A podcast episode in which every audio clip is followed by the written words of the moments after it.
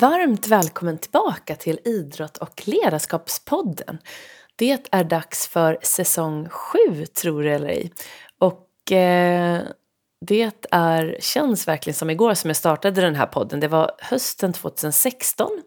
Och sedan dess har jag då tillsammans med eh, eh, Ola Tapper som då jobbade med underton men som nu finns på Casting by Smile eh, producerat de här 46 avsnitten tror jag att det har blivit.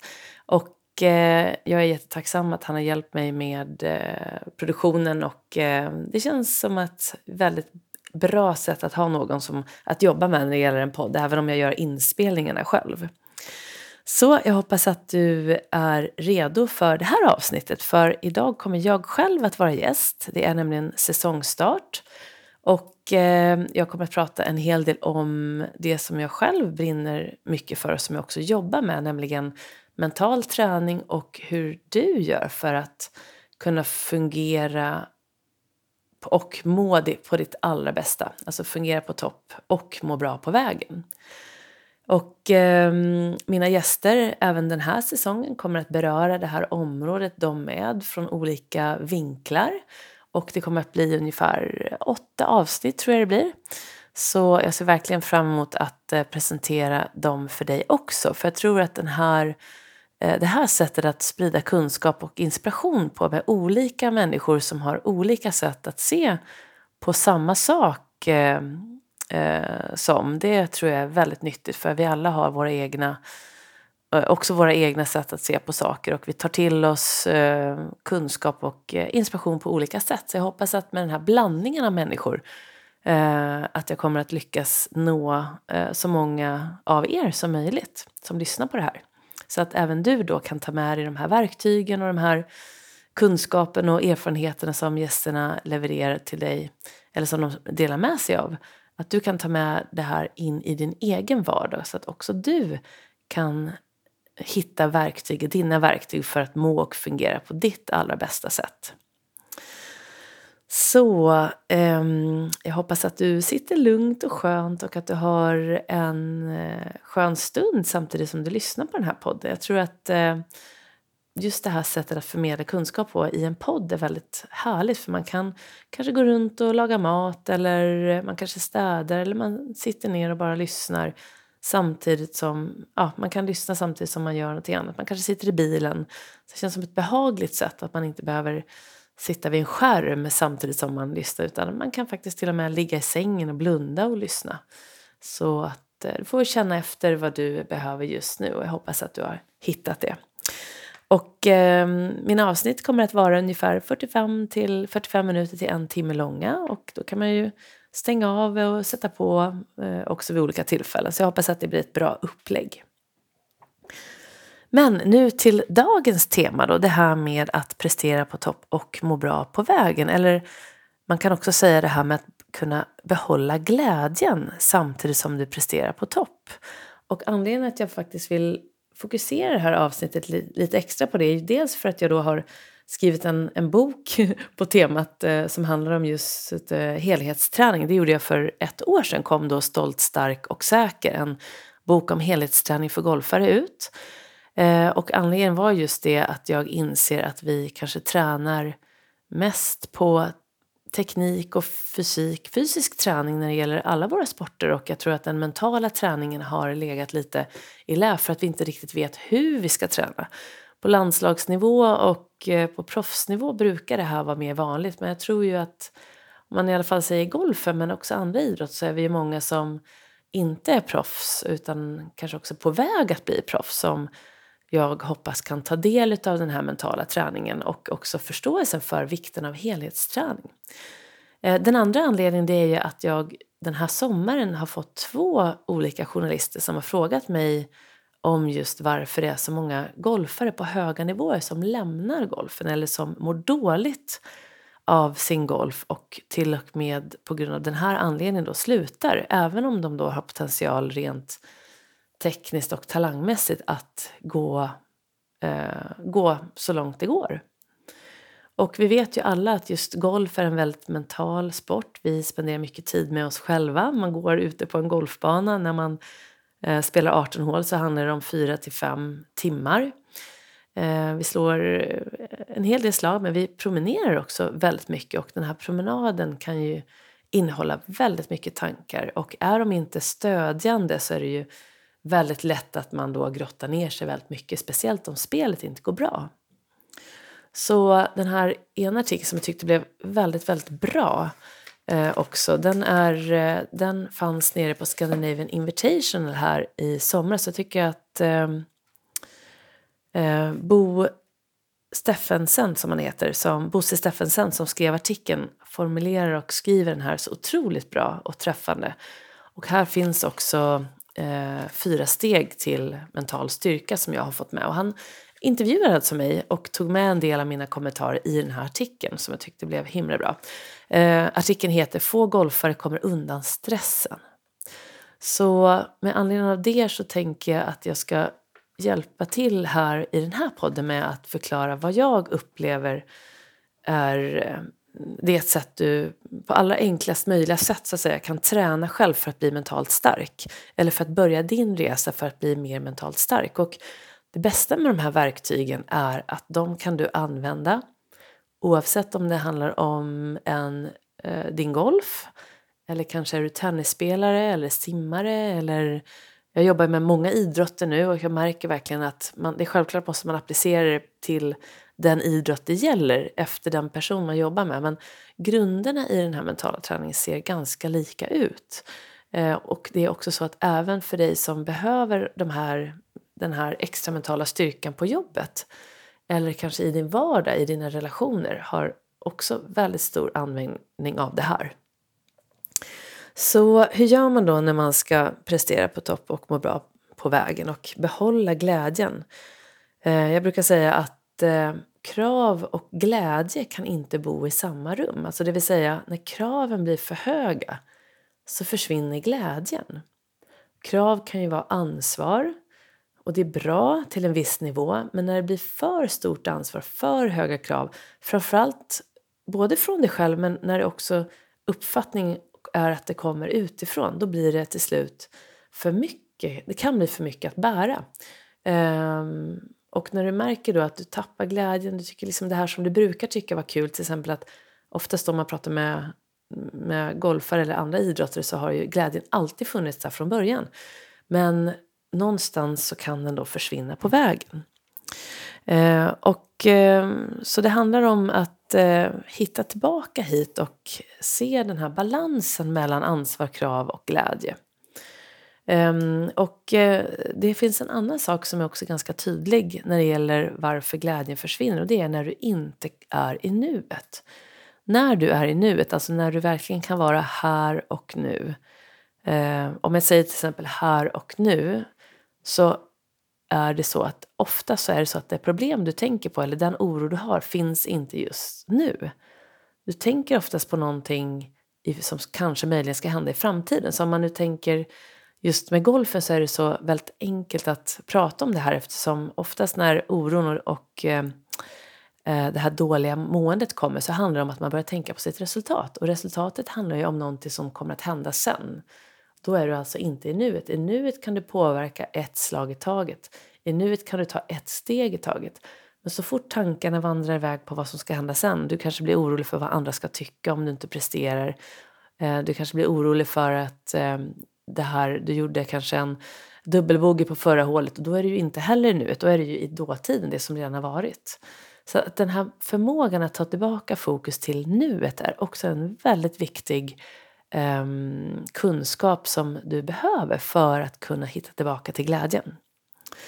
Och det låter lätt, okej, okay. se till så att du kan balansen mellan krav, ansvar och glädje men också det här med att kunna ta tillbaka fokus till nuet. Men vägen dit kräver faktiskt ganska mycket träning. Kan det vara så till och med att det krävs lika mycket träning som den du lägger ner på din teknik och din fysträning? Jag skulle säga att det gör verkligen det. Men då är det också viktigt att vi vet hur vi ska träna på den här mentala träningen på samma sätt som vi vet att om du vill stärka din bål, bålstyrka som vi då vet är viktig både för din hållning i din vardag men också i din, eh, för att kunna behålla en bra eh, uppställning och en bra golfsving genom hela rundan. så behöver du ha en god hållning. Och lika viktigt då är det att veta grunderna i den mentala träningen helt enkelt. Um, och vägen dit då, så att när du ska träna bålen då, det var det jag skulle komma fram till.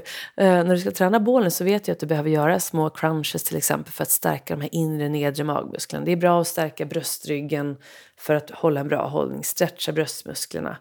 Um, jobba kanske med att stretcha ut sätet och stärka rumpan och så vidare. Uh, men hur gör man då för att uh, stärka dig mentalt? Jo, på samma sätt finns det faktiskt grunder även här. Och det är det jag brinner nu då för att förmedla och det är det som också finns då i min bok. Ehm, och det är till och med 100 sidor nästan om mental träning. Boken är ju 305 sidor lång eh, eftersom jag också, det är ju också så att även om jag nu säger att den mentala träningen är viktig och kanske ännu viktigare, men det är ju för att jag inte tror att vi tränar den så mycket. Och det betyder inte att tekniken och den fysiska träningen inte är viktig. Det betyder bara att vi ska eh, balansera det lite bättre.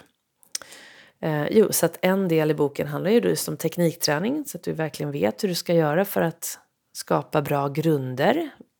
Eh, och sen så kommer då det här med fysträningen med styrka och rörlighet så att du vet hur du ska stärka upp kroppen med enkla effektiva övningar. Och sen kommer då det här med grunderna i din mentala träning.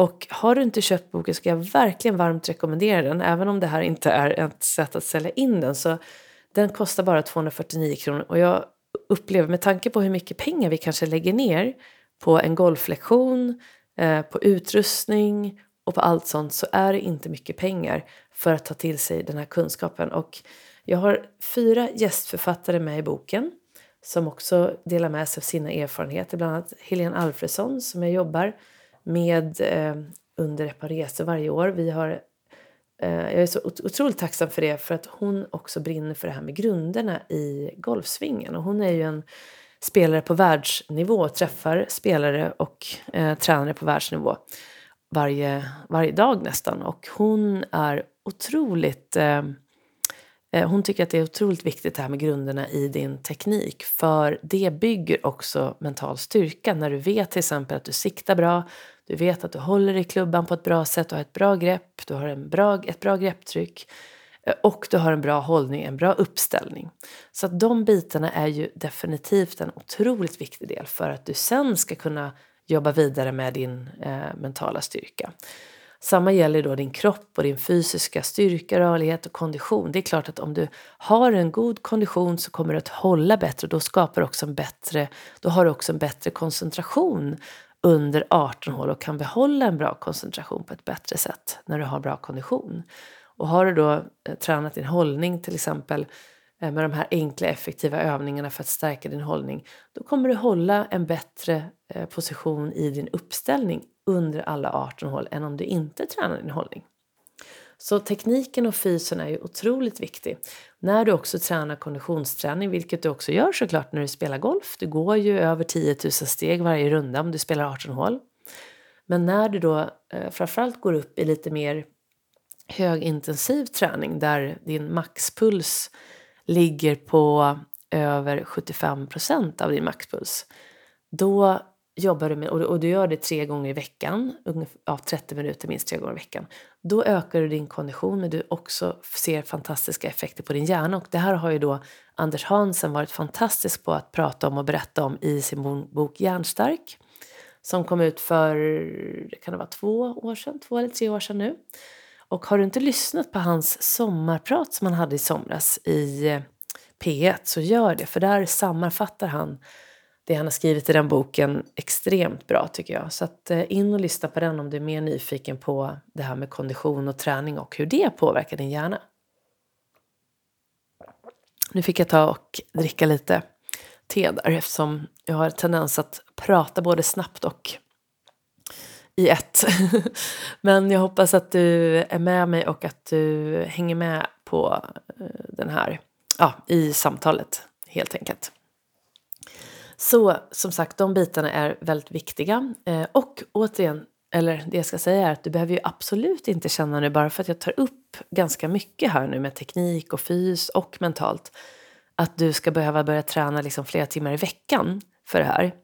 Om du är amatör och ligger på en normal nivå på ett handikapp, ja, från i alla fall, eh, det kan till och med handla om att du som singelhandikappare inte behöver träna faktiskt så mycket, bara du tränar med kvalitet. Men om du är en amatör så att, eh, och verkligen känner att du har fastnat så handlar det här om att du lägger ner kanske två, tre gånger i veckan på din fysträning, på din konditionsträning. Du lägger in ett teknikpass under säsong, kanske ett eller två, eh, med spel också.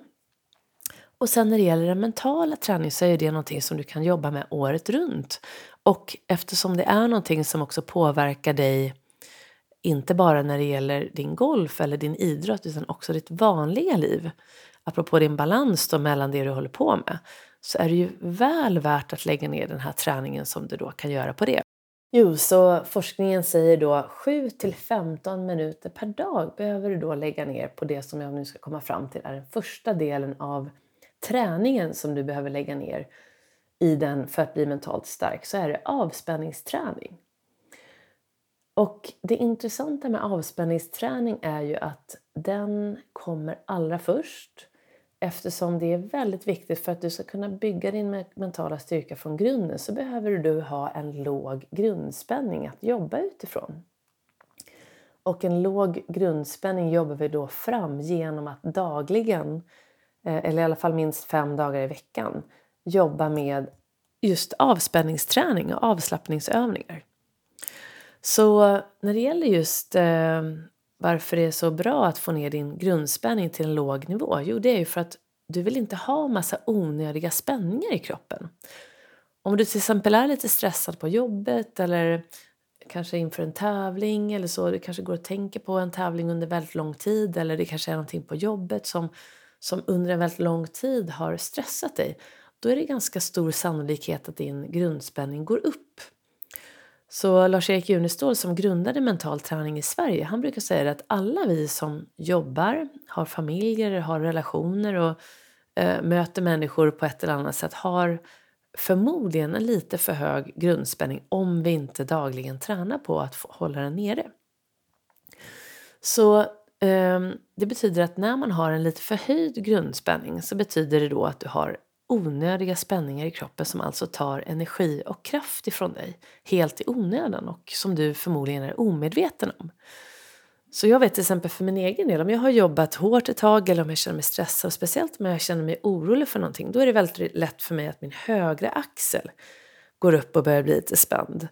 Och nu eftersom jag är väldigt medveten om det här, eftersom jag jobbar med det här dagligen, både med mig själv men också med mina elever, så kan jag ju känna det här. Och eftersom jag också gör den här dagliga avspänningsträningen. Men ändå kan jag alltså ibland känna att den här högra axeln går upp. Och axlarna det är ju den första delen av kroppen som, kommer vi, som kan visa på att du har onödiga spänningar. Det är den översta delen av vår torso. Och där kan spänningar visa sig allra först. Så att när du har avslappnade axlar kommer det också förmodligen betyda att du har en relativt låg grundspänning i kroppen. Så spända axlar kan till vara ett exempel på en sån här omedveten hög grundspänning som har satt sig då på, i din axel. Och då går det ju åt rätt mycket energi för att kroppen ska gå och hålla den där axeln uppe och hålla de där eh, musklerna spända. Om du istället tänker att du tar ett djupt andetag, du andas in, andas ut samtidigt som du sjunker ner med axlarna. Och här brukar jag rekommendera en jättefin övning jag har lärt mig från medyogan. Det är att man gör axellyft. Så bara för att det här avsnittet nu ska få en liten paus här också så kan du faktiskt göra några axellyft med mig tycker jag.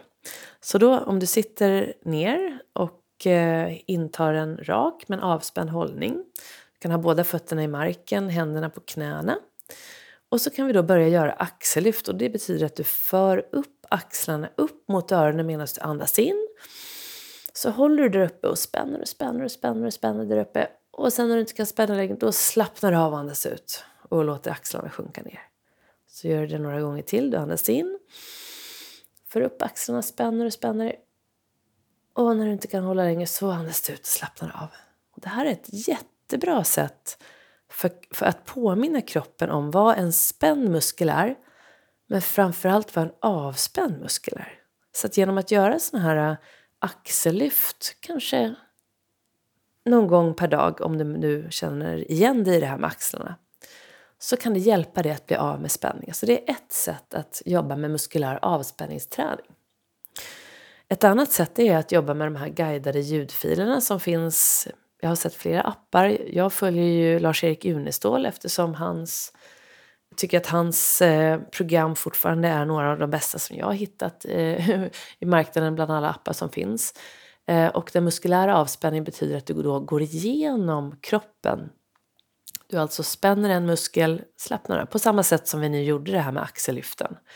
Så kan du göra det med, eh, ja, så gör man det genom hela kroppen. Du börjar med vänster hand, knyter den, tar ett djupt andetag, andas in, andas ut. Och det blir också då till slut en trigger som du kommer märka om du går in lite mer djupare i det här med muskulär avspänningsträning och triggerträning som det kallas. Och så går man i alla fall igenom hela kroppen så att du egentligen rensar bort eh, ja, du rensar bort onödiga spänningar.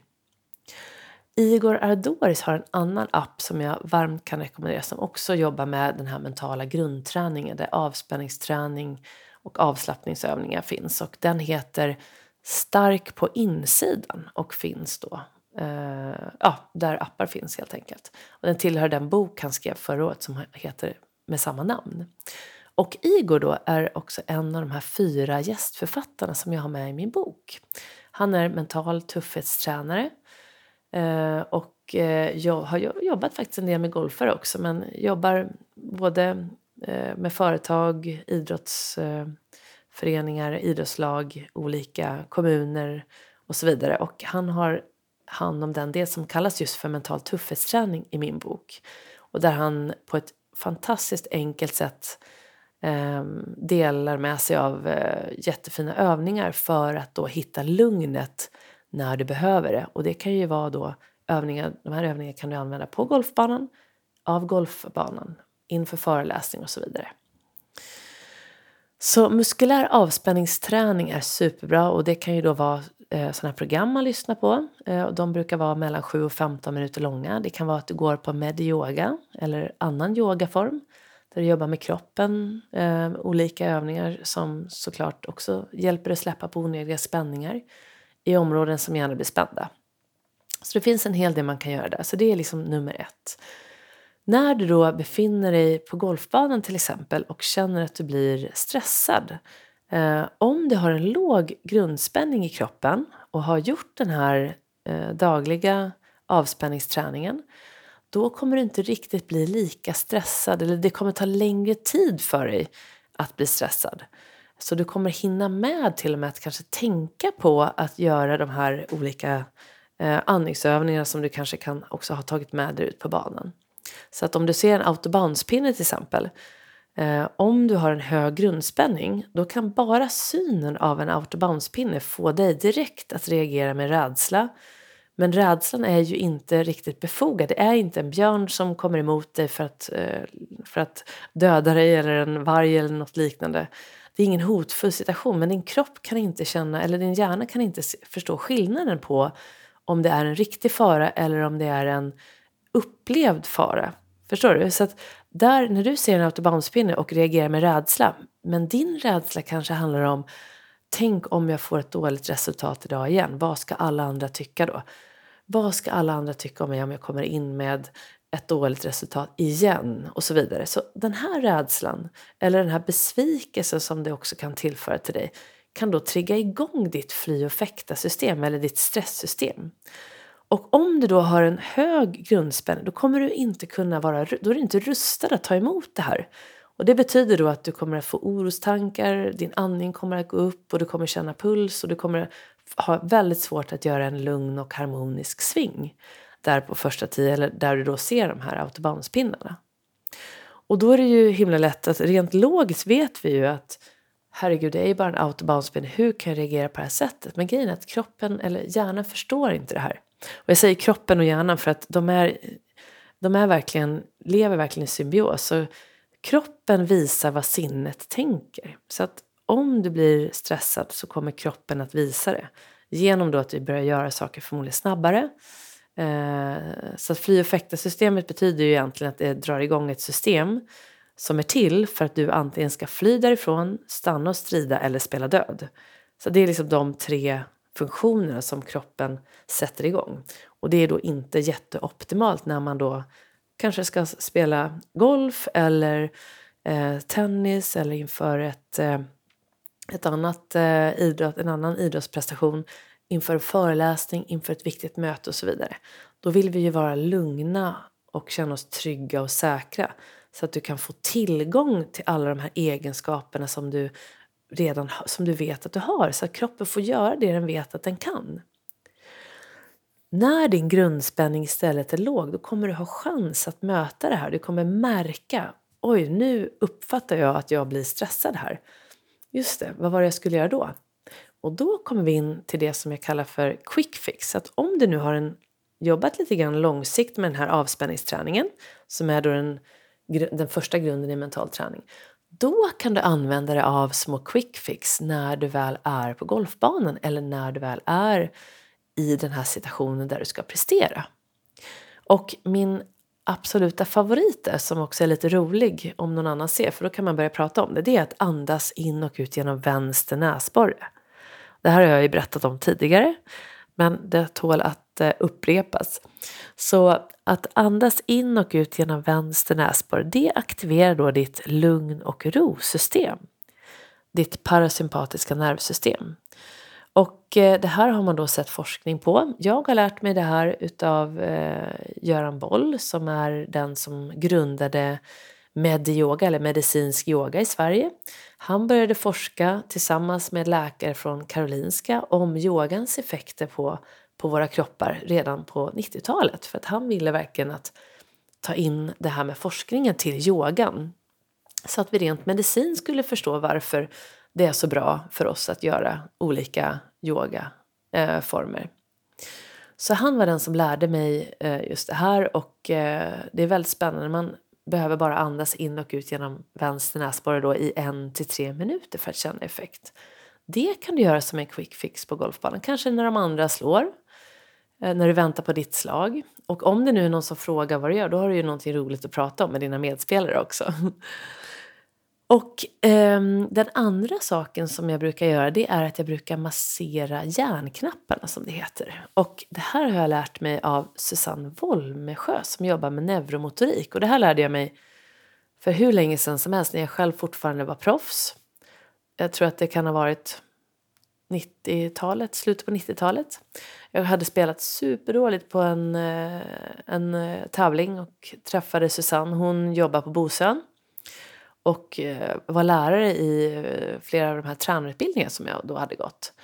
Och hon, eh, då gick jag några kurser hos henne och hon lärde mig mycket av de här som hon kallar för smarta rörelser. Och det finns, hon har skrivit en bok som heter just smarta rörelser. Så att flera av de här övningarna som jag har med i min bok under det mentala träningskapitlet som heter smarta rörelser, de har jag fått ifrån eh, Susanne.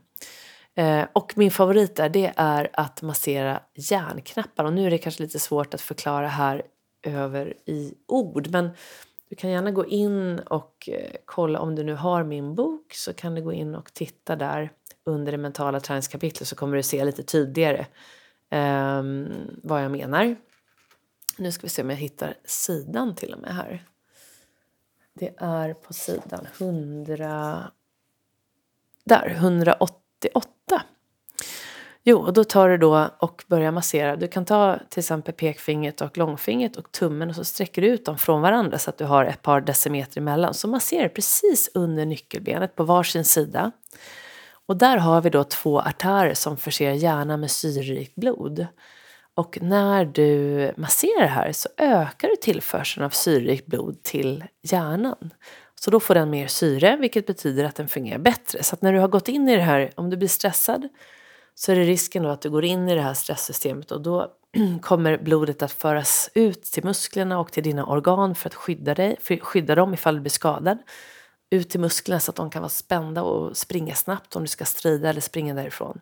Så att hjärnan får inte riktigt lika mycket syre då, för den ska ju också vara den behöver ju bara vara här bak i vår reptilhjärna där amygdalan finns för att skicka ut stresshormoner som då sätter igång alla de här funktionerna i kroppen.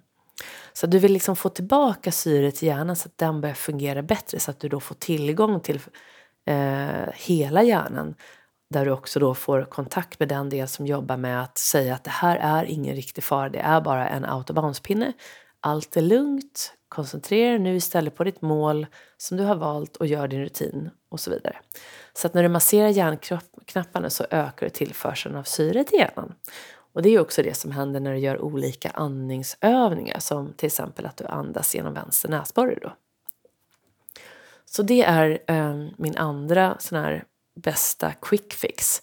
Och den tredje det är fokuspunkten som jag i princip pratar om med alla mina elever oavsett om det handlar om en golflektion som jag har lite grann fortfarande eller om det är i mina mentala träningssessioner i, i grupp eller individuellt då, så får alla lära sig vad är fokuspunkten. Och jag i min tur har lärt mig det utav Igor Ardoris. Och det här med att vi ska jobba med bålen och bålstyrkan i våran sving, det, det vet man ju, och det, eller de flesta vet i alla fall apropå att det är ju en rotationssport. Så vi behöver stärka bålen och framförallt de här inre nedre magmusklerna. Men fokuspunkten, att ha fokus där, det betyder att du mentalt går ner i en punkt som ligger ungefär 10 cm under naveln.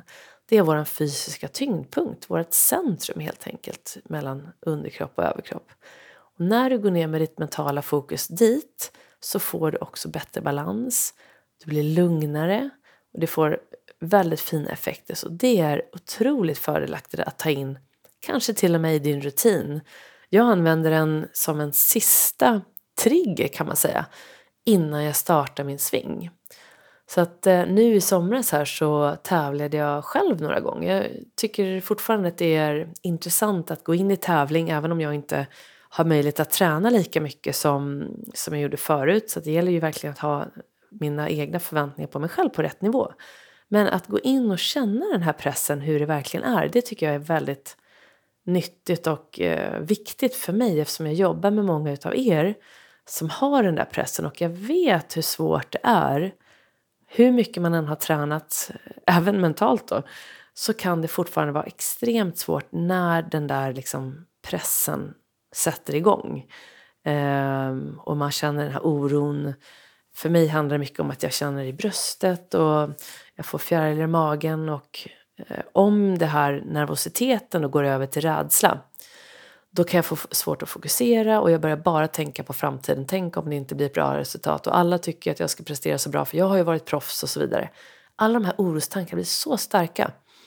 Och jag märker så tydligt att om jag inte har gjort min avspänningsträning eh, långsiktigt eller hållit på med det några veckor innan då är det inte riktigt lika lätt att mina quick fix funkar. De kan funka men det är inte lika lätt. Så det jag menar då är att det är väldigt viktigt för att ge dig den bästa chansen att kunna hålla under press behöver du jobba långsiktigt. Då kan du ta in sådana här quick fix när det väl gäller. Så quick fixen, vänster näsborre, massera hjärnknapparna och ner i fokuspunkten. Och fokuspunkter står det också mycket mer om. Igor har tagit upp det i min bok också då under det här mentala tuffhetsträningskapitlet. Så gå in och läs där och eh, eh, är du mer nyfiken på honom så är han också såklart med i den här podden i två avsnitt i säsong två. Så du får jättegärna gå in och lyssna på honom där för där pratar vi också om det här med fokuspunkten och hur du kan använda det i din golfsving. Jag har också lärt ut det här till tennisspelare, eh, till simmare, till fäktare, till många olika. Och så det är otroligt användbart. Även inför föreläsning om du känner att du börjar bli du får typ en, nästan en blackout kan det bli ibland. Bara gå ner i fokuspunkten, andas med vänster näsborre, massera hjärnknapparna så lovar jag att det kommer bli lättare att gå ut och möta publiken eller möta kanske den här personen du ska ha ett möte och så vidare. Så mycket bra quick fix, men grunden är en låg grundspänning i grunden. Så det var ju väldigt mycket här apropå den första delen av mental träning då. Men det är nog så viktigt och eh, efter då den här muskulära avspänningsträningen eh, då är det dags för mental avslappning. Och det betyder att du då lär dig egentligen att hitta en mental en avspänning utan att behöva gå igenom olika övningar. Så man har ju kanske inte tid, även om jag sa de här quick fixes, de kan du fortfarande använda. Men det är väldigt skönt att också ha tränat in en förmåga till mental avslappning. Och inom den mentala träningen så jobbar man ju med triggers som du kan då koppla till ett avspänt tillstånd. Då räcker det med att du gör din trigger, du har tränat in den tidigare så att det räcker med att kroppen, eh, att du gör till exempel om du har kopplat då knyt vänster näve till ett avspänt tillstånd. Då räcker det att du knyter näven så kommer kroppen förstå att det blir som en genväg till ett avspänt tillstånd. Så om du till exempel har lyssnat då på en ljudfil med muskulär avspänningsträning. Om du har gjort det då, du gör det i två veckor och den sista veckan, tredje veckan, då kan du då efter varje gång du har lyssnat så knyter du vänster hand och då gör du det sju dagar och då har du kopplat en trigger till ett avspänt tillstånd. Så det är ett exempel på en triggerträning som ger dig då en mental avslappning. Um, inom den mentala träningen har man också ett inre rum som man skapar som du snabbt kan gå till när du behöver hämta det du behöver. Då. Om det är fokus, det kan vara lugn, det kan vara um, glädje, vad som helst. Så det är ett otroligt intressant område. Eftersom jag jobbar då mycket med mindfulness och med yoga också eftersom jag tycker det är så fina komplement just till den mentala träningen när det gäller den här delen som vi pratar om nu. Eh, så är i den, i den del av mindfulness så Eh, där finns det fyra meditationer där en av dem är kroppsskanning. Och det är ju en fantastisk form av mental avslappning där man då eh, det här är fortfarande, det här handlar om en mer långsiktig träning som du kan göra hemma. Man ligger ner, går igenom kroppen, muskel eller kroppsdel för kroppsdel och gör helt, man skannar av kroppen rent mentalt. Så att, och bara genom att du riktar då din uppmärksamhet till en eh, del av kroppen, till exempel stortån eller vaden och så vidare, så kan du genom den riktade uppmärksamheten få musklerna att slappna av och spänningar att släppa eller att i alla fall minska. Så mental avslappning har du olika former där också. Så när det gäller avspänningsträning och mental avslappning så försök hitta någon form 7 till 15 minuter per dag eller i alla fall minst fem dagar i veckan för att ge dig själv då en ärlig chans att kunna hantera pressen när det gäller. Och när det då gäller det här med pressen och att glädjen kan försvinna när kraven blir för höga så är det ju förmodligen så att den här höga grundspänningen som du då förmodligen också har har skapat en oro som sitter i och som påverkar din inre dialog som då blir väldigt negativ. Så att du pratar förmodligen ganska negativt med dig själv. Och den dialogen påverkar din självbild, alltså din bild av dig själv. Så att nästa steg liksom i den mentala träningen är att verkligen jobba med din självbild och därmed jobba med din inre dialog så att den blir mer stärkande, så att den blir mer stödjande. Det är inte så här att ju sämre du spelar eller ju mer orolig du blir för någonting eh, desto snällare ska du vara mot dig själv. Är det inte ofta så att vi gör tvärtom? Att ju sämre vi spelar, om vi nu refererar till golfen igen, ju sämre man spelar desto elakare blir man. Hur kan jag slå sådär snett. Hur är jag? Jag är så jäkla dålig. Så det är nästan tvärtom. Man blir liksom mer elak när man egentligen behöver det mesta stödet någonsin. Och det är så klassiskt det här att man skulle ju aldrig säga de här sakerna man förmodligen säger till sig själv till någon annan. Du skulle inte säga det till din medspelare, det som du säger till dig själv. Hur jävla dålig är du just nu? Det skulle ju inte vara klokt om man gjorde det. Men till sig själv är det på något sätt som att det är okej. Okay. Så när det gäller att stärka sin självbild då för att du, för, och, och påverka den här inre di dialogen så finns det ju jättemycket fina övningar du kan göra här också. För din självbild kan ju vara väldigt bra inom vissa områden. Du kanske har en fantastiskt god självbild på jobbet och allting och sen helt plötsligt när du kommer ut och spelar golf då är du helt plötsligt äh, jättearg och du blir orolig, du är jätteoschysst mot dig själv och så vidare. Um, så det, det, kan vara lite inom olika områden. Och självbilden är också en färskvara. Det kan vara någonting som... Det är inte det att alla egentligen bara har en bra självbild så har man det resten av sitt liv. Eller att man har man tränat upp den så har man den. Men vissa självklart har mer, är det mer naturligt för att eh, prata positivt med sig själv och sådär. Men eh, alla behöver oftast då och då liksom stärka den här. Och den första övningen i mental träning det kallas, har jag kallat i min bok för Bra-boken.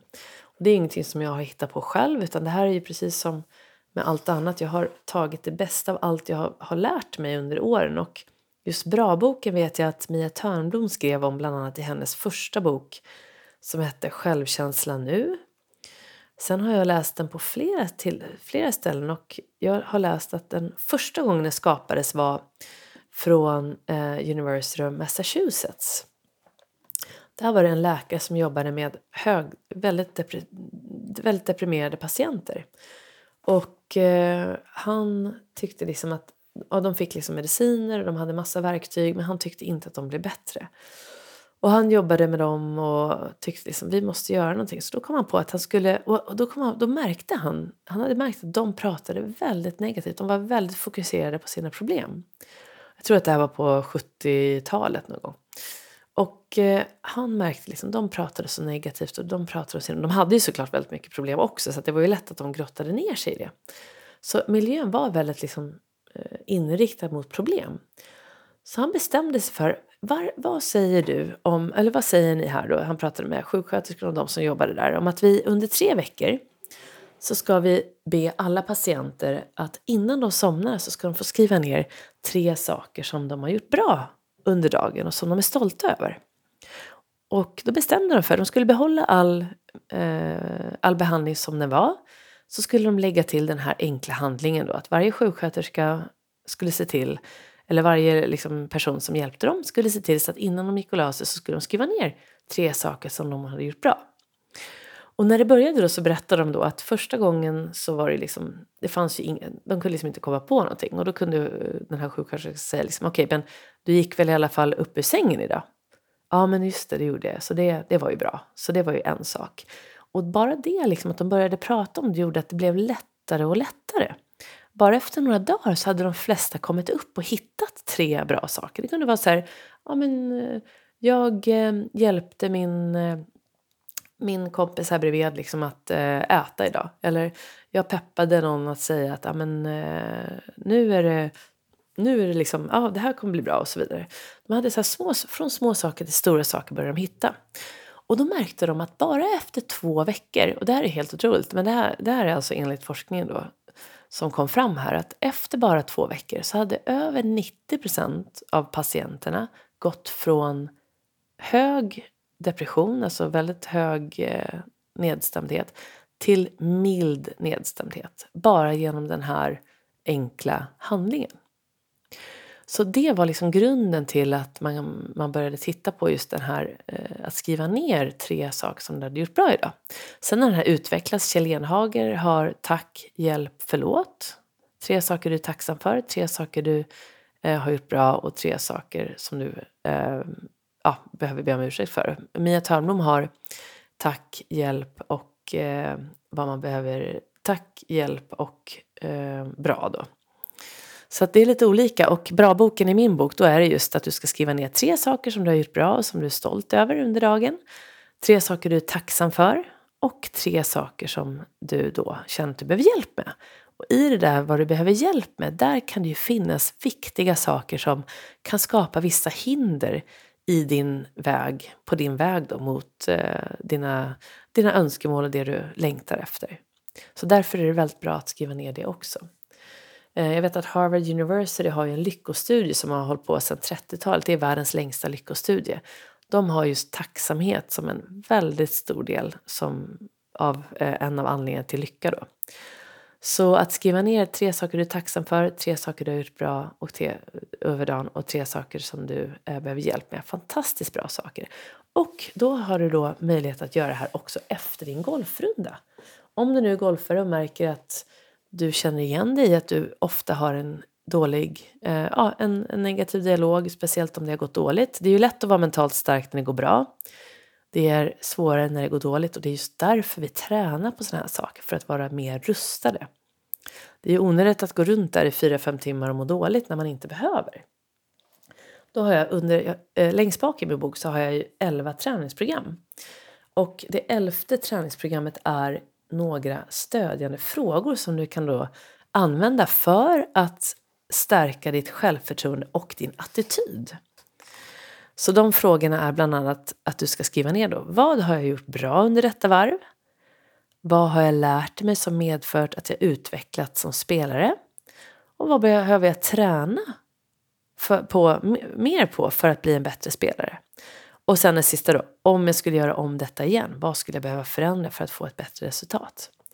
Så om du skulle kunna börja skriva ner svaret på de frågorna efter varje runda så lovar jag dig att du kommer lämna banan lite gladare och det kommer också påverka din nästa runda. Det finns ju inga misstag egentligen, det finns ju bara lärdomar.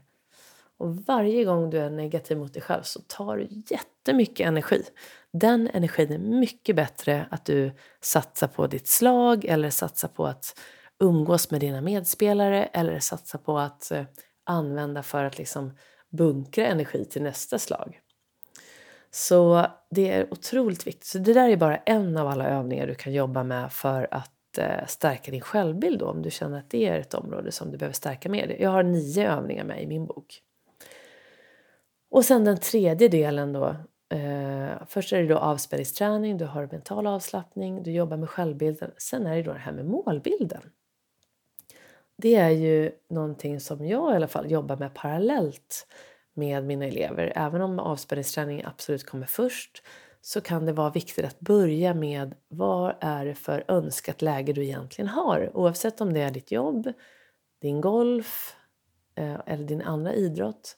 Vad är det du längtar allra mest efter om allt var möjligt? Eh, och det tycker jag det är så härligt med Kjell Enhage. Han är ju också golftränare i grunden och jag har haft förmånen att lyssna på honom fantastiskt många gånger. Eh, och har även gått flera av hans coachutbildningar. och han har ju också gjort flera ehm, sommarprat, eller ett sommarprat och ett vinterprat i alla fall. Han brukar säga så här att ja, men jag vet att det inte är möjligt, men om det skulle vara möjligt, hur skulle du vilja att det var då? Och den frågan är ju fantastiskt viktig eh, när man börjar jobba mot ett önskat läge. Om allt var möjligt, jag vet att det inte är det kanske, men om det skulle vara så, säg att du har alla pengar i världen, all tid i världen, vad är det du önskar allra mest då?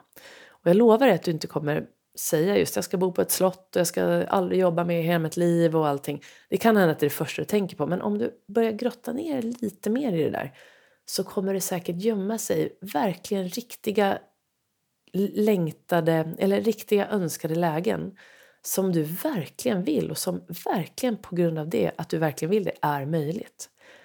Så att jag tror att det är otroligt viktigt att jobba med parallellt så att du får en viss riktning. Och här kan faktiskt nästan vara det svåraste ibland att verkligen sätta sig ner med de här frågorna. Ibland kan man sitta flera, flera timmar nästan och bara inte komma på någonting. Jag vet inte ens vad jag vill. Varför gör jag det här?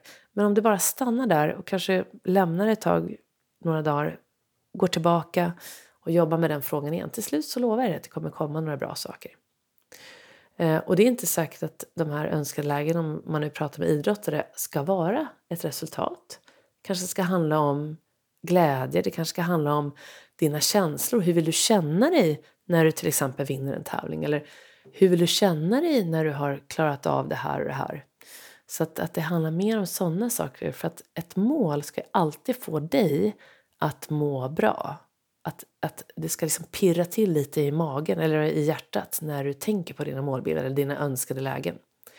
De behöver vara superspecifika och det finns jättefina såna kriterier som handlar om att, att det ska kännas attraktivt, motiverande i nuet. Så att när du tänker på målet så ska det ge energi i nuet.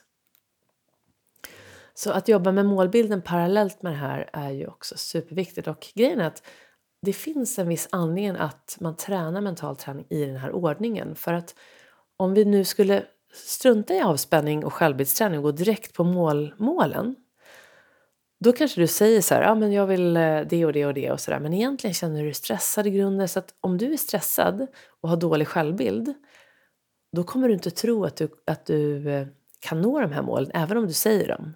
Så att det är superviktigt att du först jobbar med avspänningen, självbilden och så parallellt kan du börja jobba lite med målbilden. Så kommer den klarna och du kommer att börja bygga ditt hus från grunden. Och då blir det mycket lättare för dig att verkligen komma fram till vad du behöver göra för att nå dina mål. Och du kan kalla mål för önskade lägen eller vad du längtar efter om mål känns för prestationsinriktat. Så har vi pratat om det här ganska länge nu tycker jag. Men jag tycker att jag har fått med grunderna i mental träning. Jag hoppas att det har känts tydligt för dig. Och jag börjar med att säga att vi skulle prata om hur du får, eh, kan prestera på topp och ha glädjen kvar. Jag tror att jag har eh, i alla fall börjat eh, eh, få dig att förstå hur du ska träna på det här och hur du kan göra för att träna på det här. Och sen pratade jag också om att det handlar om att en förmåga att ta tillbaka fokus till nuet. För i nuet bor verkligen glädjen och din harmoni och din käns alla de här härliga känslorna som du verkligen vill ha. När du, oavsett om du är på golfbanan och presterar eller någon annanstans eh, så är det i nuet. Och för att kunna vara i nuet så behöver du också jobba med de här delarna. Ner med grundspänningen så att den är låg. Stärk din självbild. Ha ganska tydliga eh, riktlinjer för dig. Då är det lättare att kunna vara fokuserad och komma tillbaka till nuet. Och sen tror jag att jag ska avsluta med en övning för att ändå eh, hur du gör för att komma tillbaka till nuet. Allt det här med mindfulness-träning handlar ju just om din, att lära dig en förmåga att komma tillbaka till nuet. Och där finns fyra meditationer och det finns nio attityder som man då regelbundet jobbar med. Eh, men en väldigt bra övning som jag brukar använda till mina elever Eh, och jag brukar använda det på mina föreläsningar eh, och eh, det, för det, det är en så otroligt bra övning. Det är att träna på att ta tillbaka fokus till det du har bestämt. Och det här är ju en andningsmeditation. Eh, och den kallas eh, för andningsankaret bland annat. Det finns ju olika andningsankare du kan ha men det handlar alltså om att du har ett ankare till din andning. Du fokuserar på något sätt på din andning för att ta tillbaka fokus till nuet. Och den som jag i alla fall tycker har funkat bäst och som jag tror funkar bäst på andra och som jag i alla fall som jag har provat det på. Det är att eh, om vi nu kan avsluta med att göra den tillsammans då så kan du då om du sitter ner och eh, sitter säkert så att du kan blunda så kan du blunda. Du kan ta en, eh, en rak men avspänd hållning så att du känner att dina axlar sjunker ner. Du kan känna att musklerna kring ögonen slappnar av. Och så kan du känna att pannan är slät. Och så kan du känna att magen är avspänd så bara låt den slappna av, falla ut. Och anledningen att vi har en avspänd men ändå alert hållning det är för att andningsvägarna ska bli mer fria. Du kan ha båda fötterna i marken, händerna på knäna. Och nu ska du då få börja fokusera på din andning så du kan börja andas in och ut genom näsan. Och sen kan du då börja rikta din uppmärksamhet till temperaturen på luften som du andas in och ut genom näsan. Och då kanske du känner att den är lite svalare när du andas in. Och lite varmare när du andas ut. Om du inte känner någonting så bara försök fokusera på luften som du andas in och ut genom näsan. Så ska du få göra det en liten stund. När tanken försvinner iväg på någonting annat som du kanske hör eller på någonting som du börjar tänka på. Och när du märker det så får du bara vänligt men bestämt tillbaka fokus till det du har bestämt. Vilket är temperaturen på luften du andas in och ut genom näsan.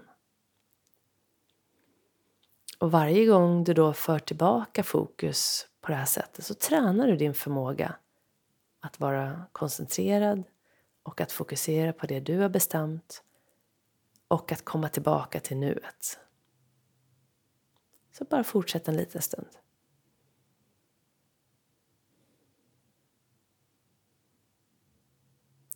Så det här kan du ju öva lite mer på efteråt och det är skönt att göra det här kanske 3 till 10 minuter. Du kan börja med 3 minuter, du kan börja med en minut bara för att se hur det känns. Sen när du har gjort det här ett tag, kan du applicera det när du behöver komma tillbaka till nuet. Så säg till exempel att du står på golfbanan, du ska slå ett slag, du ska göra ett utslag. Så har du gjort en rutin, du ställer upp dig, du tittar på flaggan, en sista gång.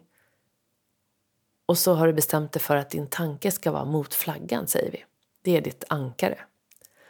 Men så hör du någon som säger någonting precis när du ska starta svingen. Eller du kanske börjar tänka på något annat. Tänk om jag slår i vattnet. Då har du tappat fokus, eller hur? Då ska du ta tillbaka fokus till det du har bestämt, vilket då var mot flaggan. I början kommer du förmodligen inte kunna göra det här direkt på banan, så det här är jättebra att du tränar på ranchen. Så säg att du bestämmer dig mot 100-skylten, säger vi. Så den här övningen då är en fantastiskt bra mental övning att göra tillsammans med din teknikträning eller din golfträning. Så du tittar på flaggan eller på 100-skylten och så bestämmer du för ja, mot 100-skylten, det är min tanke. Så gör din rutin, ställer upp dig till bollen och så får du bara slå bollen om du tänker fortfarande på 100-skylten.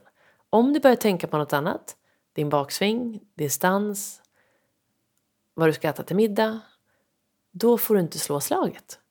Då avbryter du och så gör du om.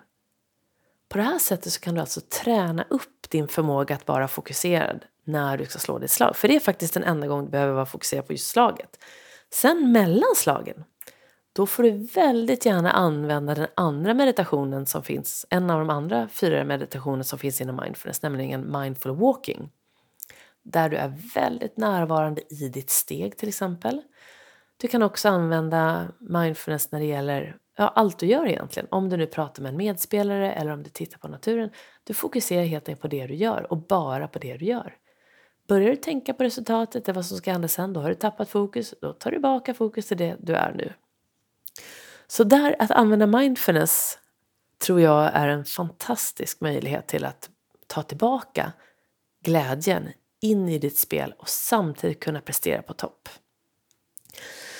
Så med det så tänkte jag börja avsluta det här avsnittet som då är säsongstarten på säsong 7. Och jag är fantastiskt glad att redan här imorgon ska du få lyssna på säsongens första gäst. Och eh, det får du se imorgon vem det är, om du nu lyssnar på det här på torsdag, som jag hoppas att det här ska komma ut. Så det kommer två avsnitt idag den här första veckan och sen är det bara att hänga med. Varje fredag släpper jag ett nytt avsnitt. Och eh, om du har några frågor eller funderingar så mejla mig info jennyhagman.com eller gå in på min hemsida jennyhagman.com för att få lite inspiration. Eh, du kan också gå in på trainforbalance.com för att eh, se på lite mer Ja, där finns det massor med olika övningar som jag har spelat in, både vad gäller teknikträning, fysträning, ditt inre lugn, mental träning. Och så hoppas jag att du hänger med här på Idrott och ledarskapspodden resten av säsongen. Så tills vi ses snart igen så önskar jag dig en fantastisk fortsatt dag eller kväll och så hoppas jag att du tar hand om dig och att du kanske börjar testa lite av den här mentala träningen tillsammans med din teknik och fysträning. Och eh, du vet var jag finns så som sagt hör av dig om du har några frågor eller om du vill hänga med på någon träning som jag håller. Eller någon föreläsning. Så ta hand om dig, vi ses. Hejdå!